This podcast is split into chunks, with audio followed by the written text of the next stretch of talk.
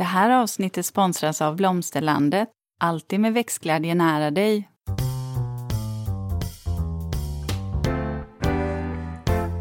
Välkommen till Ulrika och Lindas trädgårdspodd. Och det är jag som är Linda Kjellén, trädgårdsmästare. Och det är jag som är Ulrika Levin, trädgårdsdesigner. Och idag, kära lyssnare, så ska vi prata om eh, att odla utan att gräva. Det vill säga odling och trädgård där, ja, i princip spade och grep är bannlysta. Eller hur? Ja, nästintill i alla fall. Mm. Mikroorganismerna ska alltså få göra jobbet åt oss. Eh, men du, Linda, nu sitter vi på Överjärva igen. Vi inte, och jag måste säga att jag saknar din soffa. Ja, du gör det. Jag sitter så galet obekvämt på de här pinnstolarna och det Jag tycker här. du sitter så rakryggad. Ja, jag och- vet. Jag vill, jag vill bara sjunka ner. Jag, har- jag, jag vet inte, du vet. Såna här gammaldags pinnstolar och klaffbord, de är inte gjorda för, för liksom människor som är rika. 1,80 höga. Ja, långa. Höga. Kom, nu hamnar vi där igen. Ja. Ja. Men du Linda, eh, vad har du gjort sen vi, sen vi sågs? Du, nu är det ju fokus på mycket odling. Jag håller på här för fullt utanför växthuset här på Överjärva. Jag håller också på för fullt eh, på odlingarna nere på Åsby. Och förutom det så är jag ju runt på en mässturné. Här har jag, förra helgen var jag uppe i Tällberg på eh, mässa, trädgårdsmässan. Och, eh, ja, och jag fortsätter i dessa. Så det, det är så mycket trädgård just nu. Det här är liksom högsäsong. Ja, Ja. Jag, jag håller med. Ja. Det, det händer saker hela tiden faktiskt. Vet du vad jag ska göra? Nej. Någonting som jag tycker ska bli jätteroligt. Jag fick ett samtal från en eh, gammal kund som nu flyttar till en stor höst, hästgård in, eh, nere i, till Skåne. Jaha, du ser, Ja. vi är fler som lämnar Ja. för gårdarna. Ja, så att eh, jag har ju ritat hennes trädgård här, så nu lämnar... Stockholm? Ja, i Ja. Stockholm. Så nu lämnar eh, den familjen sin, eh, sitt hus och sin trädgård och så eh, flyttar de till en stor hästgård med ett så här riktigt modernt hus. Eh, och jag ska dit och rita. Nej. Ja. Det här, du kommer bli den nya gårds, eh, trädgårdsdesignern. Ja, men det är så himla roligt, för då är det oftast lite, du vet, man har lite större, man har större ytor. Större penseldrag. Och eh, ja, men du vet, det är roligt. Det, det är ju en gammal bekantskap så att det, det är kul att se vad som har hänt med dem. Du vet, deras dotter var ju pytteliten när jag såg henne eh, och nu, eh, nu är ju hon vuxen. Ja, och deras trädgård var pyttelitet när du satte Ja. igång med det. Och nu är den fi, fin Ja. och vacker uppvuxen. Men du, det där måste ändå vara det bästa betyget man kan få. När det blir, alltså, jag höll på att säga återköp. Men ja, det blir det ju. Ja, jo, men det är det. Och det är ju lite roligt för jag har också avslutat, också åt en gammal kund, eh, faktiskt deras trädgård på Öland. De har ju byggt nytt hus där. Så det, det är roligt. Jag, I år är det verkligen så att jag är på många Olika platser i Sverige. Ja, och det är lite kul. Det är lite andra förutsättningar. Man kan jobba med andra växter och det, det är olika karaktär på husen och ja, vyerna är annorlunda. Ja, det är vi- roligt. Landskapet är Ja. annorlunda. Men du, eh, Linda, det här ämnet. Eh, vad, vad, vad gjorde att, att du valde det här? För det är faktiskt du som har valt Mm. att vi ska prata om det här.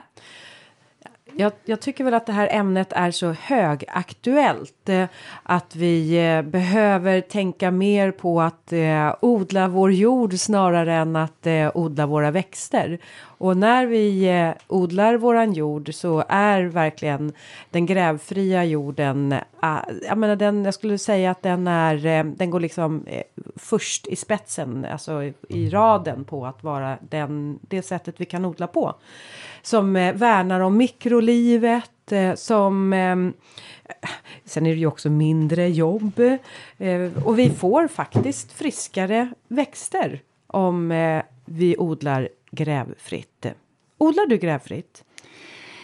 Eh, jag, jag kan väl säga så här, jag har ju inte bannlyst eh, spade. Jag måste ju någonstans sätta ner mina perenner. Jag, Ja. jag, o- jag, så här, jag har ju faktiskt en lite mindre grönsaksodling, men jag är ju mest en sådan trädgårdsägare privat ja. som odlar perenner, träd och buskar. Och då är man ju också, då använder man ju sig av den principen därför att eh, jag menar, man är ju inte där och gräver och rensar med spade Nej. i en perennarabatt. Nej, men däremot så har ju jag eh, jobbat med min jord på det sättet att jag har tillfört material ovanifrån och sen så låter jag faktiskt eh, ja, men mycket ligga kvar när, av rens och sånt. Men nu säger du någonting och då kommer du in på någonting som vi egentligen kan benämna som täckodling. Ja. Och det är ju inte samma sak som den grävfria jorden utan täckodling är ju ett sätt att jobba på för att minimera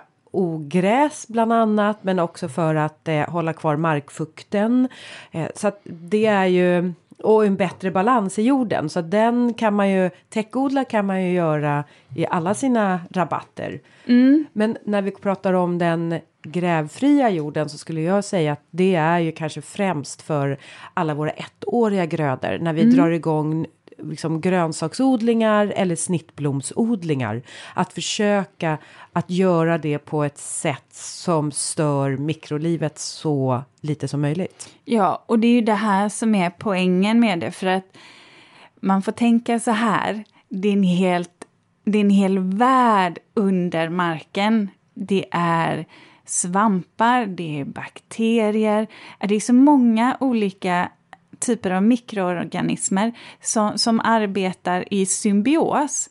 Och när man hela tiden med gräver... Växterna, ja. ja, med växterna. Och sen har du ju alltså andra små djur eller, och ja. insekter. Daggmaskar, alltså små, små jordlevande insekter. Och det här gör ju att när man hela tiden stör rotsystemet, eller rättare sagt jorden, så är det ju som att när jag gräver du vet, om jag hela tiden håller på och gräver och sen du vet ska flytta runt det. Tänk på bakterier som kanske flyttar sig oh. ytterpytte, alltså en ytterpyttebit. De kanske är liksom på en centimeter, jag vet inte Nej, exakt. Jag tror men, ännu mindre. Ja. ja, de är på en jätteliten yta. Du vet, Mikroskopisk ta, yta och ja, de rör, det är ändå långt för ta, dem. Ja, precis. Ta en spade med jord och skicka iväg. Då är det ju som de får flytta till Australien eller liksom yttre rymden. Så, så att jag menar, ja, det är sant! Ja, så det, för dem så är det ju jättesvårt. Där har de hittat kompisar, ett helt samhälle där de trivs och sen så skickar man iväg dem till Tjotahejti. Det, det säger sig självt, det är inte så himla smart Fast egentligen. jag tycker det är en jättebra bild som du beskriver. Det blir ju väldigt visuellt eh, när du beskriver det på det sättet att man, eh, alltså hur mycket vi stör mikrolivet, för vi glömmer ju bort det här. Vi glömmer ju bort att det finns en värld under ytan, under jordytan vi ser ju främst på det som växer ovanför, ovanpå gör vi. Ja. Mm. ja. Men um, jag tänker också på uh, det här med symbiosen som du sa, för det tycker jag är väldigt intressant att växterna har ju sitt rotsystem och i sitt rotsystem så, eh, precis som du sa, så kommer ju finrötterna och finrötterna vill vi ju inte heller störa därför att där är ju också näringstillförseln som tas upp eh, och gräver vi finns det ju en risk för att vi faktiskt förstör finrötterna. Men också precis som du pratade om mykorrhiza och, och bakterier som eh, i sin tur lever på växterna för att de tar ju tillvara på det som fotosyntesen ger växterna, socker och så att det här är, det är så viktigt att ha det med sig att eh, det hänger ihop, eh, gör det. Och att vi inte ska... Jag vet också att många brukar likna när vi sätter kanske spadar i jorden att eh, det är som vägarbeten ute i samhället när de håller på och gräver upp gatan så pajar de då vägen fram för eh, oss trafikanter eller vi som promenerar. Och det gör att, eh, och det är precis på samma sätt i jorden är det. Mm. Men um, kan man komma in på det här lite, för du, du pratade ju det här om täckodling mm. som egentligen kanske inte är det, det är ett sätt att ändå jobba med sin jord mm. naturligtvis. Uh, och det finns ju fördelar där. Uh, men Ska vi prata om täckodlingen eller ska vi snarare komma in på...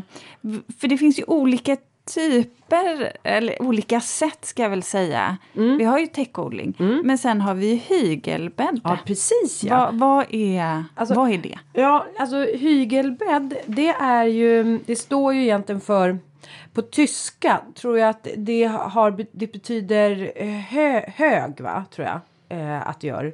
Ja, nu är jag lite osäker, men jag tror att det gör det. Att det betyder liksom hög, att man odlar på en hög, hög liksom högt upp. Mm. Och det här är ju något som man har jo- liksom arbetat med. Den typen av odling har man ju odlat, jobbat med under många herrans år.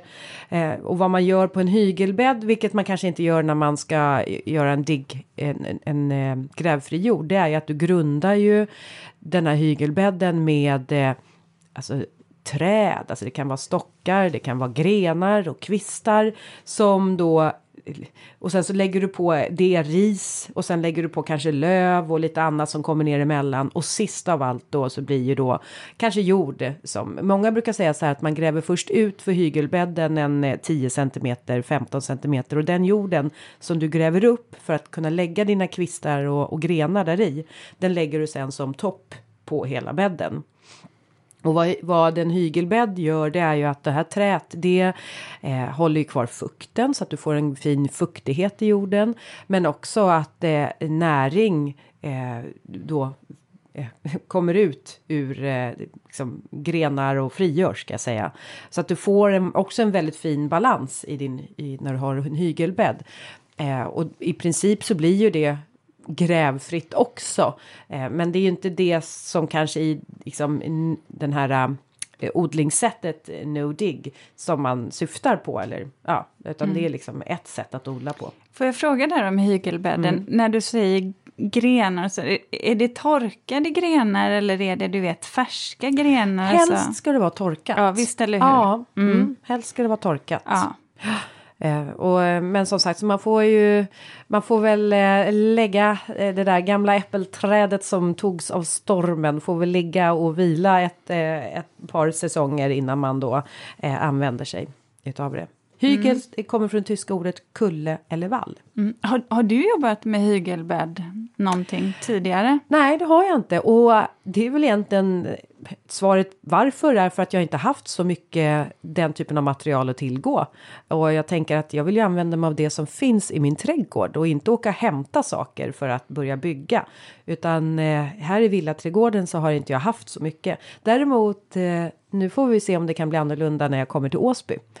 Och jag gillar ju verkligen det här att odla också, för det är en annan, en, annat, eh, annan term, det är ju upphöjda odlingsbäddar. Ja, Mm. precis. Lite, är det som djupbäddar eller just de här upphöjda... Mm.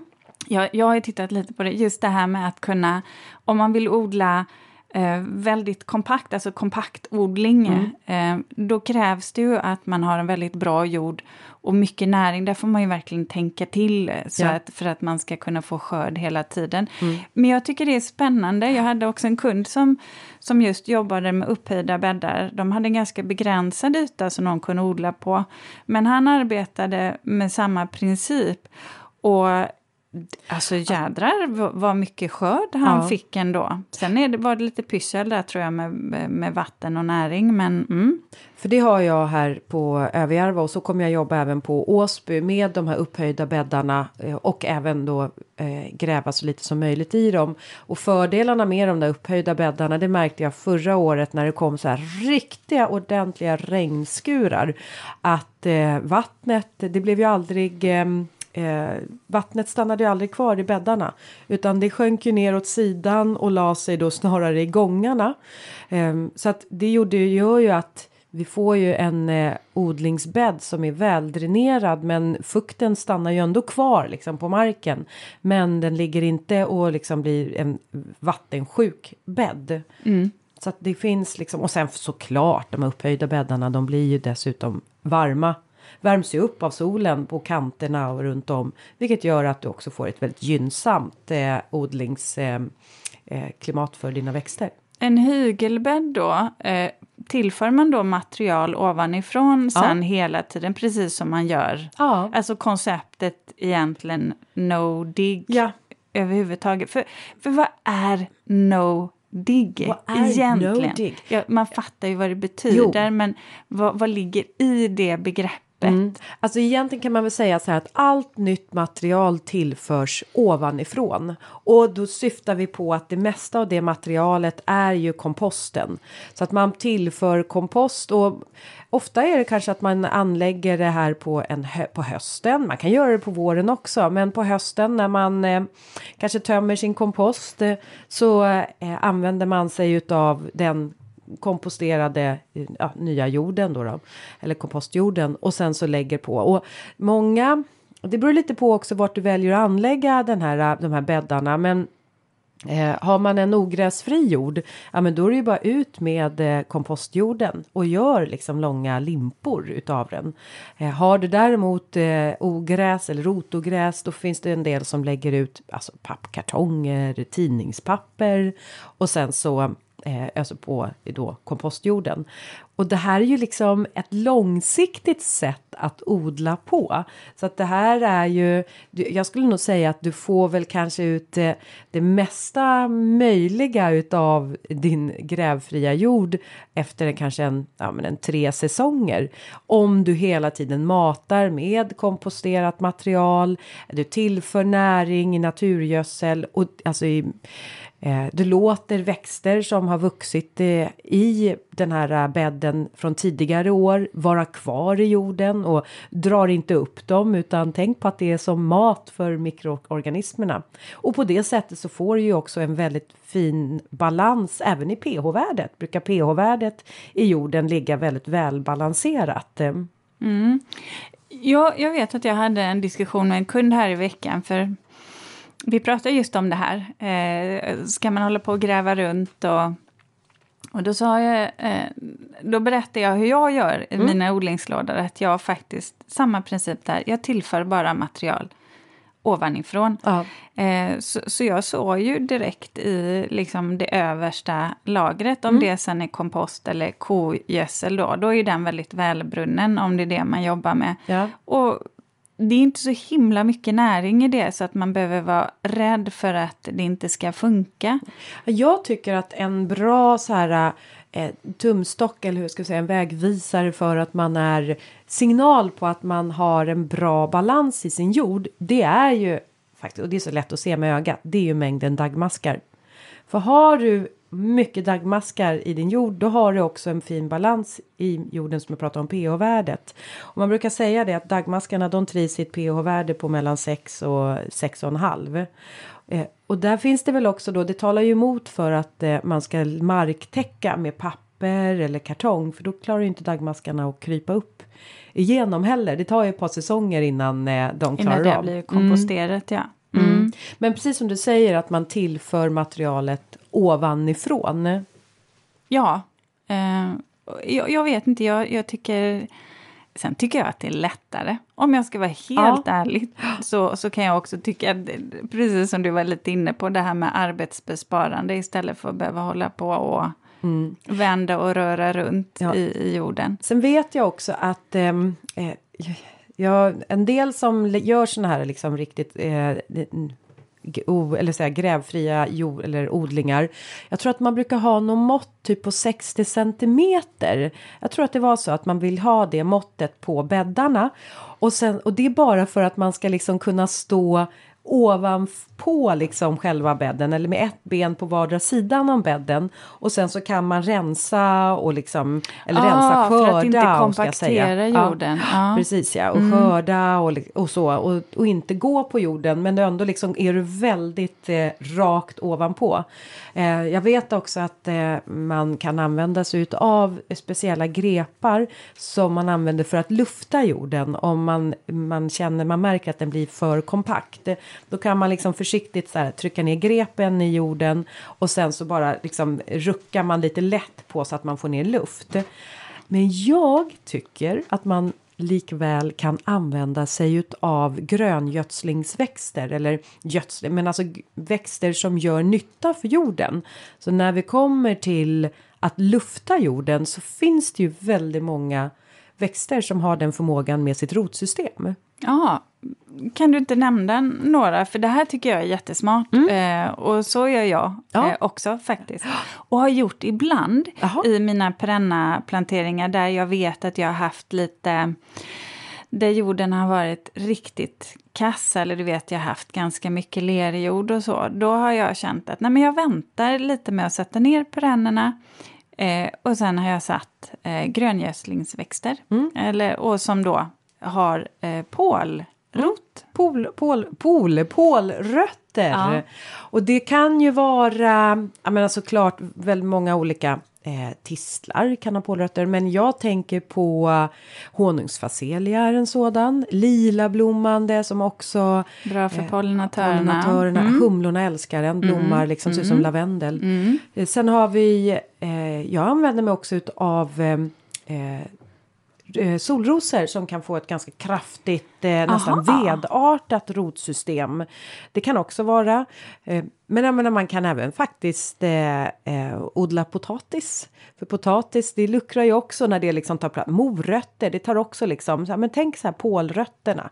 Eh, att de liksom borrar Aha. sig ner och sen så när man drar upp den där morötten och skördar, då har det blivit en liten luftficka.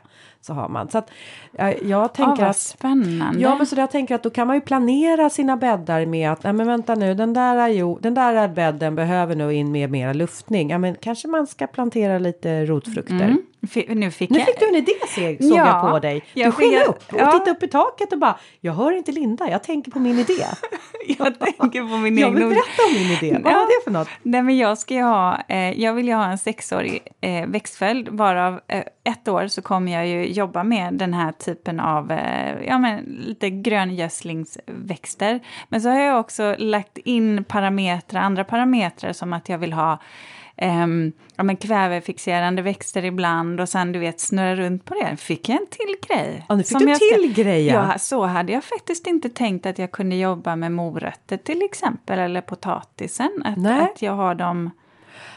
Så vad då, vad hände då? Fick du till en eh, sjuårig växtföljd nu då? Nej, nej, sex får fort... Nej, herregud. Sex, det får räcka. För nu har jag faktiskt delat in det i så sex delar. Så jag, Ja. jag, vi kan inte ha, börja Nej, med, med Vi kan andra. inte bara slänga in saker så här. Nej, nej, nej. nej, nej. Vi håller oss till klart. planen. Ja. Men jag Ja. kanske kommer tänka till lite extra hur jag sätter det eller hur jag komponerar eh, planteringarna då. Mm. Sen måste, ska det vara rätt växt på rätt Ge rätt plats. Men du, sen, och det var ju det du pratade om och vi också nu gröngödslingsväxterna för att vi har ju inte bara de som luckrar jorden och luftar jorden utan vi har ju även och sen så, jag menar dagmaskarna är ju mästare på att liksom lufta och luckra jorden men nu pratar vi växter.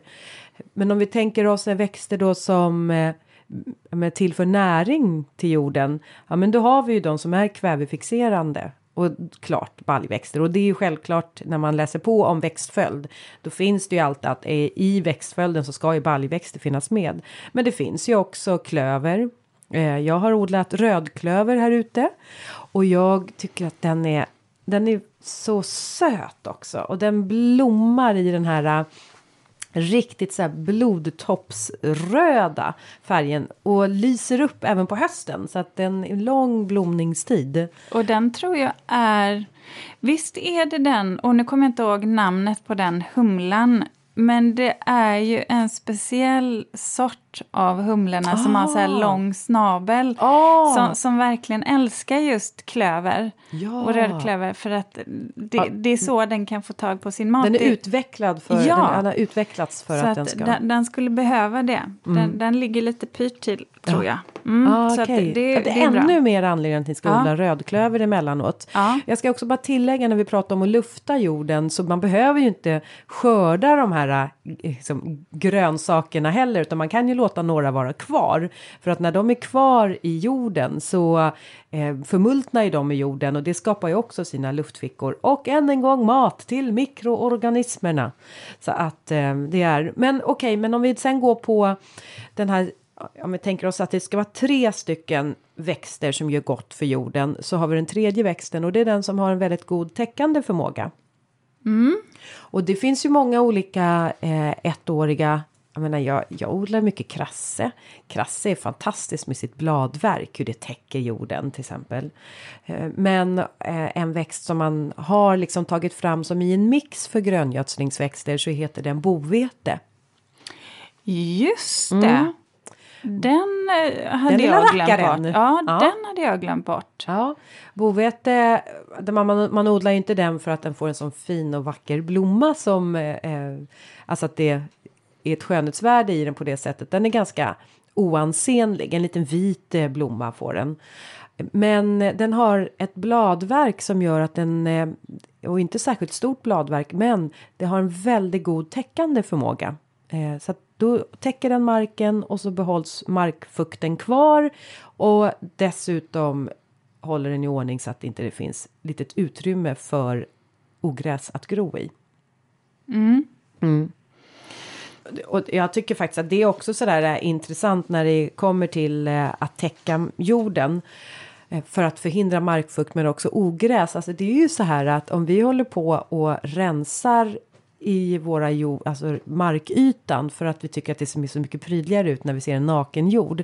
Så är det helt och hållet att jobba emot naturens krafter för naturen sig strävar ju alltid efter att eh, täcka igen liksom, jorden. Så det är klart att om vi håller den, eh, jorden öppen så då kommer de där, de där, vad säger man, som kommer först, eh, inte entreprenörerna, men jo, kan man ju säga, som kommer först till marken. Eller vad heter de då? De där som upptäcker ett land först. Eh, ja. Jag tänkte säga Upptäck- men det blir helt... Kolonister? Nej. Nej, det är kolonister, det är nej, nej, nej, nej, nej, nej. Nej.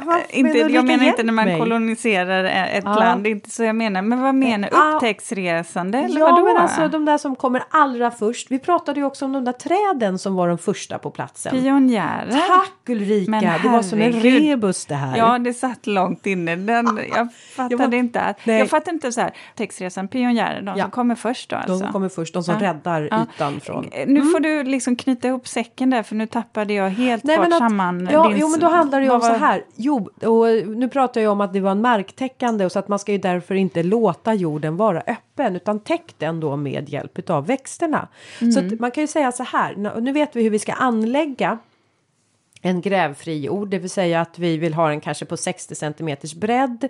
Antingen har man en pappskiva eller tidning i botten.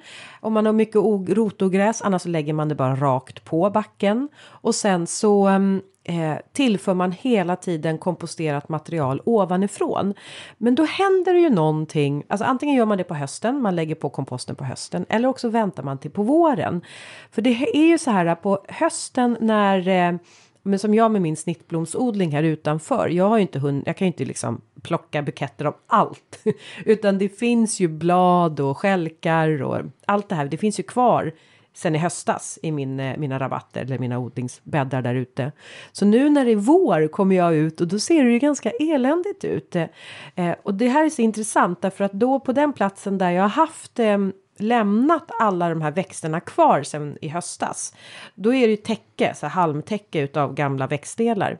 Och liksom drar jag dem bara åt sidan, då är det jättefuktigt där under.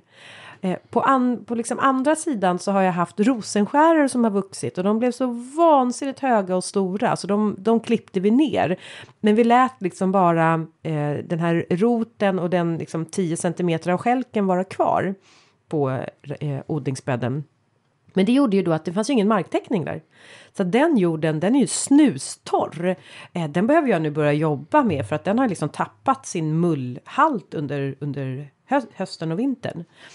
Så att eh, det jag föredrar ju att låta, låta allt vara kvar så att det täcks under hela vintern. Ja, och det, det här får man ju komma ihåg. Att grejen är att om man inte låter en del av det här vara kvar, utan man rensar bort allt, då får ju inte de här mikroorganismerna, de får ingen käk. Jag får ingen käk! De Nej. vill ju ha mat, så att det är ju deras, det är ju deras eh, eh, vad ska man säga, middag man städar bort hela tiden. Så att, vilket gör det ganska dumt och det är mycket, mycket bättre att behålla de här växtdelarna. Man kan finfördela dem. Du kan Ja. göra exakt samma princip i dina perennarabatter. Man kan använda löv också, beroende lite på vilken typ av löv man har naturligtvis, för det påverkar pH-värdet. Men, men får man, lägger man sen lite kompost eller lite någon typ av kogödsel eller EM, eh, EM-gödsel också kan man ha. Eh, så sätter man ju, då får man igång den här nedbrytningsprocessen också. Mm. En liten bara EM-gödsel, vad vill du förklara vad det är? Eh, det är mikroorganismer som man så att säga oftast vattnar ut. flytande form. Ja, man kommer så att säga vattna ut dem och det, det ska stimulera mikrolivet Mm. i jorden. Mm. Linda, visst är vi stolta över att ha en sponsor till dagens avsnitt? Ja, och det är Blomsterlandet. En trädgårdsbutik nära dig med butiker över hela landet och en e-handel som är öppen dygnet runt. Välkommen! Precis. Eh, så att, precis som du säger så där på våren när man har det här lite ah, mm, man tänker hur ska jag nu kunna så i det här? Här kommer ju inte fröna hitta ner till jorden och sen upp till ljuset för att det finns för mycket gammalt bös på ytan. Ja, men då tar man ju just precis som du säger eh, kogödsel eller alltså naturgödsel och liksom berikar matar jorden eller matar mikroorganismerna och sen ovanpå det kan man ju avsluta med då kompostjorden och sen så planterar man och sår i kompostjorden. Och på det här sättet då har du ju då skapat eh, mull som ligger några lager ner. Man kan säga kanske ungefär 5 centimeter ner i, eh, på djupet så där under. Som du har då så att du får en väldigt mullrik jord. Mm. Mm. Ja, jag, jag jobbar så i mina i mina perenna planteringar. Eh, och där, mm, jag kan säga, där inte jag har fått jobba emot min man där. Uh, ja, han, han, tyckte det såg skräpigt ut. Men i år när vi faktiskt fick ut, när jag finfördelade och sen får ut kompostjorden ovanpå så, så ser det ju ut precis som vanligt. Så och det blir ju, det blir ju bättre. Ja, då lurar du honom alltså? Ja. Han bara, det ser så städat ut där ute. Ja. Då skulle du bara säga, du har sopat det under mattan. Men kan jag kan säga. säga så här, att försöka hålla på och rensa sina perenner och finfördela ja. när det blåser ute typ 17-18 sekundmeter så här i byarna. Skitdålig idé. Ja. Har du e-, egen erfarenhet låter det ja, som. Ja, eh, det, det, då ligger det inte kvar. Jag var så arg. så, så att då blåser det över hela trädgården, ja. så då, då, då avbryter man. Utan ja. det här är ju bra att göra ja. eh, när det är lite Men kan inte han köpa att det här också är ett sätt att eh, liksom spara både eh, på kroppen och eh, jo, liksom, absolut. i tid och... Ja, jo, men grejen är så här Linda, jag har ju också sagt att han inte får hålla på med sin lövblås. Eh, oh, men du vet, vad? Du, ja, då, då och, är... Det, har han det, till och med en lövblås? Ja, så att jag har sagt att okej, okay, du kan få göra det på grusgångarna men du får låta bli planteringarna. För att grejen är faktiskt så att man blåser bort många insekter mm. också. I Tyskland så har man ju faktiskt, vissa delar av Tyskland så får man inte ha det här längre. Lövblåsarna? Ja, gå Aha. runt med dem. För man blåser ju bort eh, blåser ju faktiskt bort många små insekter som man vill ha. Så att i rabatterna så är det ju inte... Nej. Och sen så är det ju så här att... Jag gillar inte ljudet. Alltså Nej. jag blir helt, jag blir så här, åh, jag får så här, eh, Ja, åh. sen är det ju lite sådär att eh, eh, han gör ju faktiskt, vi har en sjukt dåligt, dålig arbetsfördelning i vår trädgård. Han gör väldigt mycket. Eh, så att jag, jag, får ju vara lite försiktig också med Ja, jag förstår vad, vad du får säga säger. till om. Ja. Och, här, och, om du säger till det så måste du ju liksom ha tänkt igenom det noga så att du kan, menar, du kan få honom ja. dit du vill men eh, inte trampa honom på tårna. Ja, precis. Ja. Och inte då säga att så här ska du göra och sen så, då kommer han bara säga, nej men vet du vad? Älskling, det kan du göra själv. Det där med älskling i det sam sammanhanget, jag vet inte om... Nej. nej. Men ni fattar, alla, ja. nej. Så att, eh, men men eh, vi, har, vi har helt enkelt lite olika, lite olika åsikter ibland om det där. Eh, mm. vad, vad som är smidigt. En lövblås är ju väldigt effektiv. Ja. Men nu vill jag ju ha kvar en del av, av, av löven. Ja, men löven är också väldigt viktiga för att eh, om man nu ska börja ersätta torv till exempel mm. så är ju löv någonting som är eh, det som vi kan ersätta torven med ja. om vi ska göra egen eh, substrat. Eh. Ja, och, och det och äh, gamla växtdelar. Eh, så det, har man, det har vi faktiskt gjort. Sen kan jag tycka att det skyddar jorden också lite som du ser. Det här när det blir kallt och varmt så här, kärl när man precis har ja. klippt ner sina perenner ja, ja, så är det inte fel att ha, ha ett skydd där. Ja, nej, men, så att, eh, men då, då tänker du att du ska använda dig av den här principen i dina odlingsbäddar som du har hemma då? Ja, men mm. faktiskt. För jag bara känner så här, gud, varje gång man stoppar ner spaden så hugger man ju av en daggmask. Ja, det, det känns, ju, det känns ju bara helt uh, bananas. Ja. Men du, är det sant att de förökar sig genom att, att om man delar dem så blir det två? Eh, vet du vad, jag tycker så här att när jag Fråga har delat, nej, så här, Ja. när jag har delat en dagmask Aha. av misstag Ja. så kan jag säga så här, den är ta mig fan tvärdöd. Det finns Ja, inget. det också. Det, det, blir inte, det blir två döda dagmaskar i Ja, så gud. fall.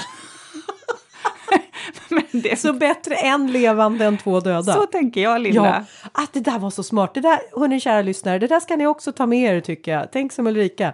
Bättre en levande dagmask än två döda.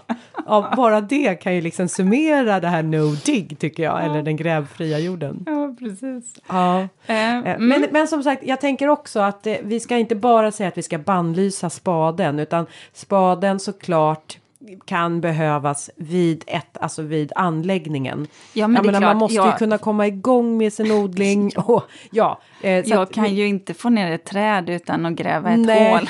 det, det kan jag säga. Det. och, och då kan man ju säga att det där trädet som du planterar kommer ju under så många hundra år göra nytta. Ja, Så att, men alltså, och det handlar ju så att eh, när det gäller då själva eh, uppbyggnaden utav de här grävfria odlingsbäddarna så behöver du ju ändå ha spaden där för att komma igång. Mm.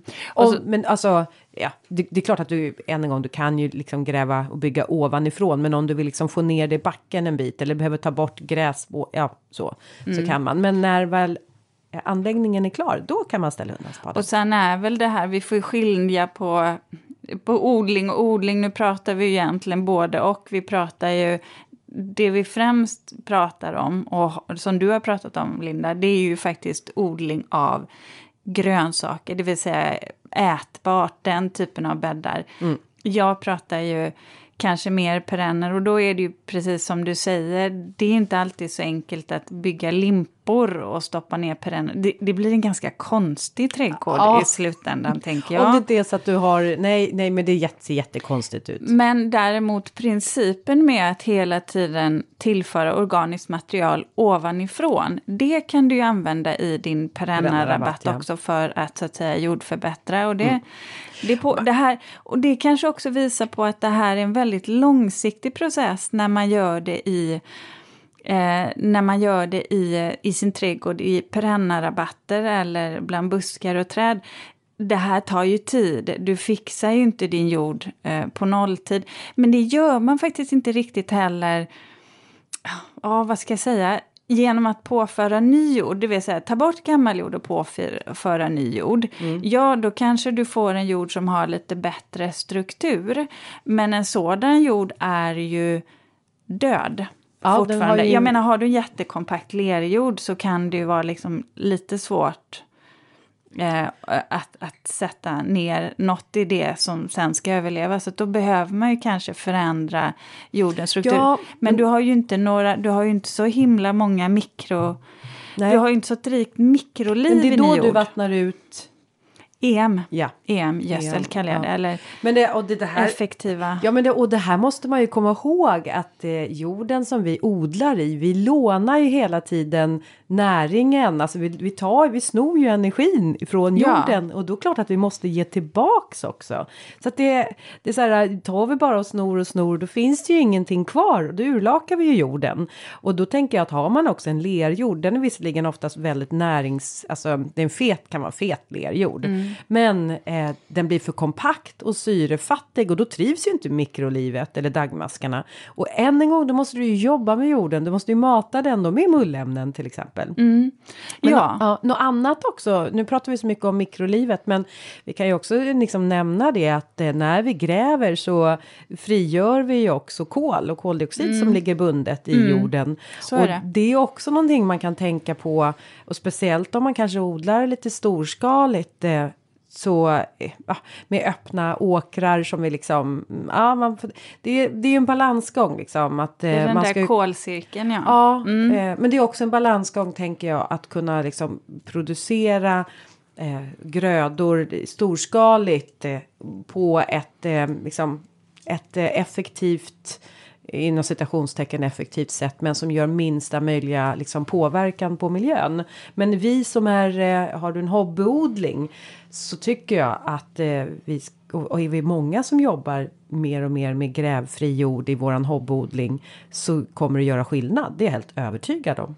Ja, men det tror jag. Det blir ändå ganska stora arealer mm. till slut. Ja, det ska man ju komma ihåg. Så att det där tror jag är jätteviktigt. För det är ju ändå så här att det, man tror, det är så lätt att tro att allting att det bara tillföra kväve och fosfor, men det är också ändliga resurser. Så att det där måste man ju ha lite koll på. Mm. Och tänka på att vi kan inte utarma våra jordar. För det är en jord som är förstörd, ja men en åkerjord till exempel som som bebyggs eller man gör någonting annat på dem, ja, de kan man inte ta tillbaka. Sen du kan inte få den där fina brunjorden eller svartjorden igen. Så det att värna om jorden, det är ju att värna om livet, tycker jag. Mm. Och det där, precis som du sa nu, eh, om man tittar på svartjorden och mörka jorden. Det är också en så fin signal på att du har en bra, en god jord. Om den är så här riktigt, riktigt mörk, precis, så här svart. Mm. Då har den bundit mycket kol i sig också. Ja. Vad heter det, någonting som, som jag tänkte att vi bara skulle nämna när vi pratar eh, täckodling som jag vet. Ja, jag tror jag vet vad du kommer till nu. Sniglar? Ja, sniglarna. Ska, ska vi inte ta? Jo, det är klart vi kan prata sniglar. Dem? Ja. ja. Nej men så här är det ju, att, för det vet jag, det har jag läst också. Jag har i min trädgård hemma, där har jag eh, jädrigt mycket sniglar. Eh, eh, dels sådana här eh, mördarsniglar. Och sen så har, fick jag också in, tråkigt nog, i några med, en, eh, med växter, perenner, så fick jag också in den här um, åker... Åkersnigeln? Åkersnigeln, ja. Åkerö. Åkerö, ja då jag hade tänkte, du varit glad om du ja. hade fått in ett åkerö där ja, också. Ja, precis.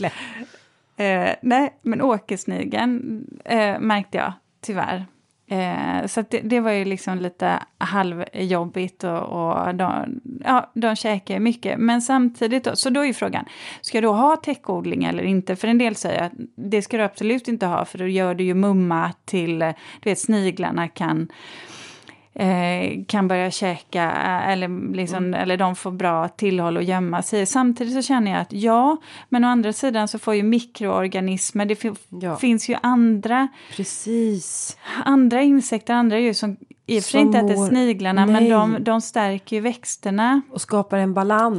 Ja, och, någon, mm. ja, och någonstans måste jag säga, helt ärligt, jag har sniglar vare sig jag jobbar med täckodling eller inte.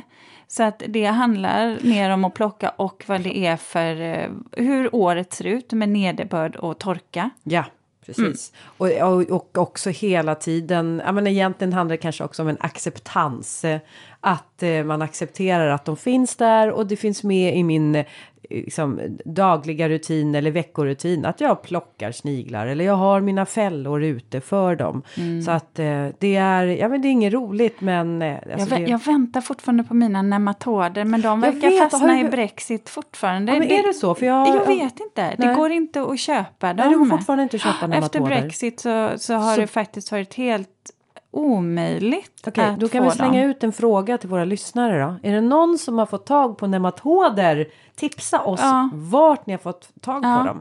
För jag har bevakning på alla möjliga företag nu eh, och de kommer de kommer helt enkelt inte in verkar det som. Nej. Och det är lite nu man skulle vilja börja mm. här. Mm. Eh, ja, oh ja, det mm. är verkligen. Mm. Eh, men jag är ju lyckligt gift med en ölbryggare så att jag snor väl lite öl från honom och gör mina ölfällor. Ja. Men det är så himla obehagligt att rensa dem där bara.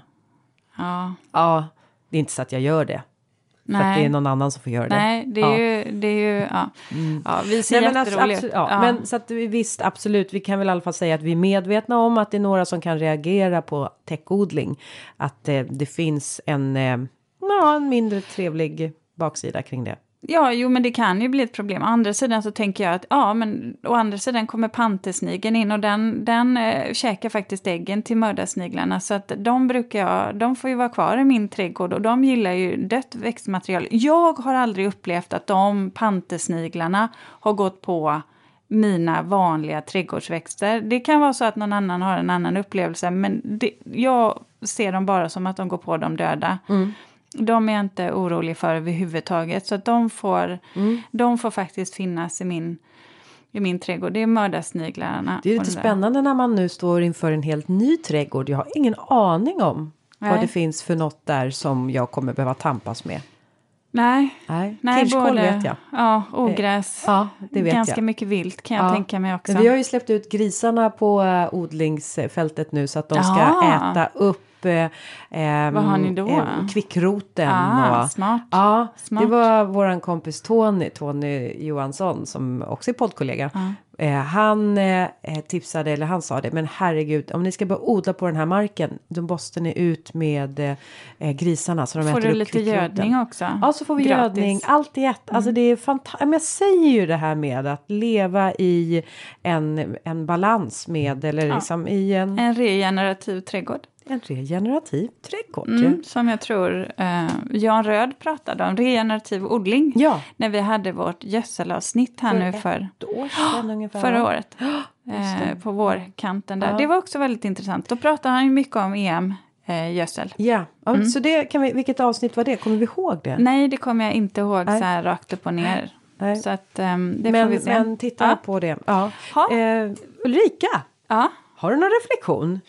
Jo, men det har jag faktiskt, herr ja, det Linda. tror jag väl att du Aha. har. Ja. Nej men så här, vi var och käkade middag eh, hos kompisar här i veckan och då skulle jag eh, sätta på mig, då hade jag köpt en, en ny blus faktiskt. Eh, som jag var väldigt nöjd med. Eh, och sen så, och så frågade jag min man, har satt på mig, känner mig piffad och klar, kommer ner, frågar min man, ja, vad tycker du ser jag ut? Så blir det bara tyst. och så säger han så här, kan du släppa ut håret? Då hade, då, hade det- jag inte få, då hade jag liksom inte gjort Vad hade det. det med blusen att göra? Exakt, exakt så tänkte jag. Precis så. Ja, okej, varför ska jag göra det? Och så gör jag det och så skakar jag lite så här och så bara, ah, nu då? Mm, ja, du ser, um, an- den var annorlunda, säger han. Vad och det sen, sen säger han, nej men du är snygg, det ser, du ser snygg ut, det är bra, den var snygg. Så här. Och jag bara, ja men nu är det ju för sent. Ja, Nu, det är bara att, det är bara att glömma det. Du tyckte inte om den från början, men jag menar, Då de släpper På ut håret, det här långa håret, så lägger det sig över eller? vad, Ja, vad, och jag- vad, vad var grejen med, var att han, han famlade efter någonting, han skulle säga som, bara säga någonting, kan du släppa ut håret? Nej, men, Va? och jag bara känner så här, Vad det med du, du kunde inte bara i det läget sagt att det ser bra ut. För jag menar, nu hjälper det ju inte någonting. nej, nej, nej, När nej. det har kommit, alltså när det är Nej. två andra saker som kom före. Då tänker jag lite på det här, hur man ska uttrycka sig gentemot... Ja, vet du vad, jag har en reflektion på det också. Jaha, alltså gentemot, alltså nu blir det mycket att vi hänger ut våra män här, men nu, eller hänger ut, vi bara berättar Nej. som de är. Jag Ja, ja, men de precis, får jag har ju plussat på honom. Jag sa ju sagt att han gör jättemycket. Ja, det var ju det, men det sa du ju av list, sa du väl det? Nej, Nej. jag tycker det är för att han är så generös. Ja, Men ja. han var, jo, där landade komplimangen fel, om det Ja. nu ens var det i slutändan. men det vet vi inte. Nej, Nej. nej. För- men jag tror han tyckte att han var ful. Ja, nej, men alltså en, klär, en, en skönhet klär Mm. Det allt. var inte hans stil, Ja. som han brukar säga. Också. Det är också en sån här kommentar, det är inte min stil. Och den är också så här. Oh, really? okej, den är fin på, ja den är fin men det är inte, ja. Nej, Nej men vet du vad Okej. jag också har? Eller Ja. vadå, var det något mer kring Nej, nej, nej, honom? nu lämnar vi nu min man. lämna, då tar vi min man istället. Vi snackar om att vi roastar här. nej. nej men du, så här då. Vi, ehm, eh, vi står inför väldigt många beslut när vi håller på att renovera en gård. Och i alla dessa beslut så jag ligger och tänker och jag tänker och tänker och, jag, och så här problemlösande. Okej, om vi nu till exempel så här klinkers eh, inne i eh, badrummet. Jag bara okej, vi kanske ska ha det vita med lite svart i för att då kommer det plocka upp toalettsitsen som kommer vara lite svart och sen så kommer vi ta igen här. Det blir bra och sen så vi ska inte ha en dusch där nere därför att det här kommer bara vara till gästtoalett och då är jag klar. Jag bara så då säger jag till Jonas, jag bara, du Jonas, nu tänkte jag beställa eh, materialet så att det blir bara handfat och toalett och sen så tänker jag att vi har det här vitt och svart där inne. Va?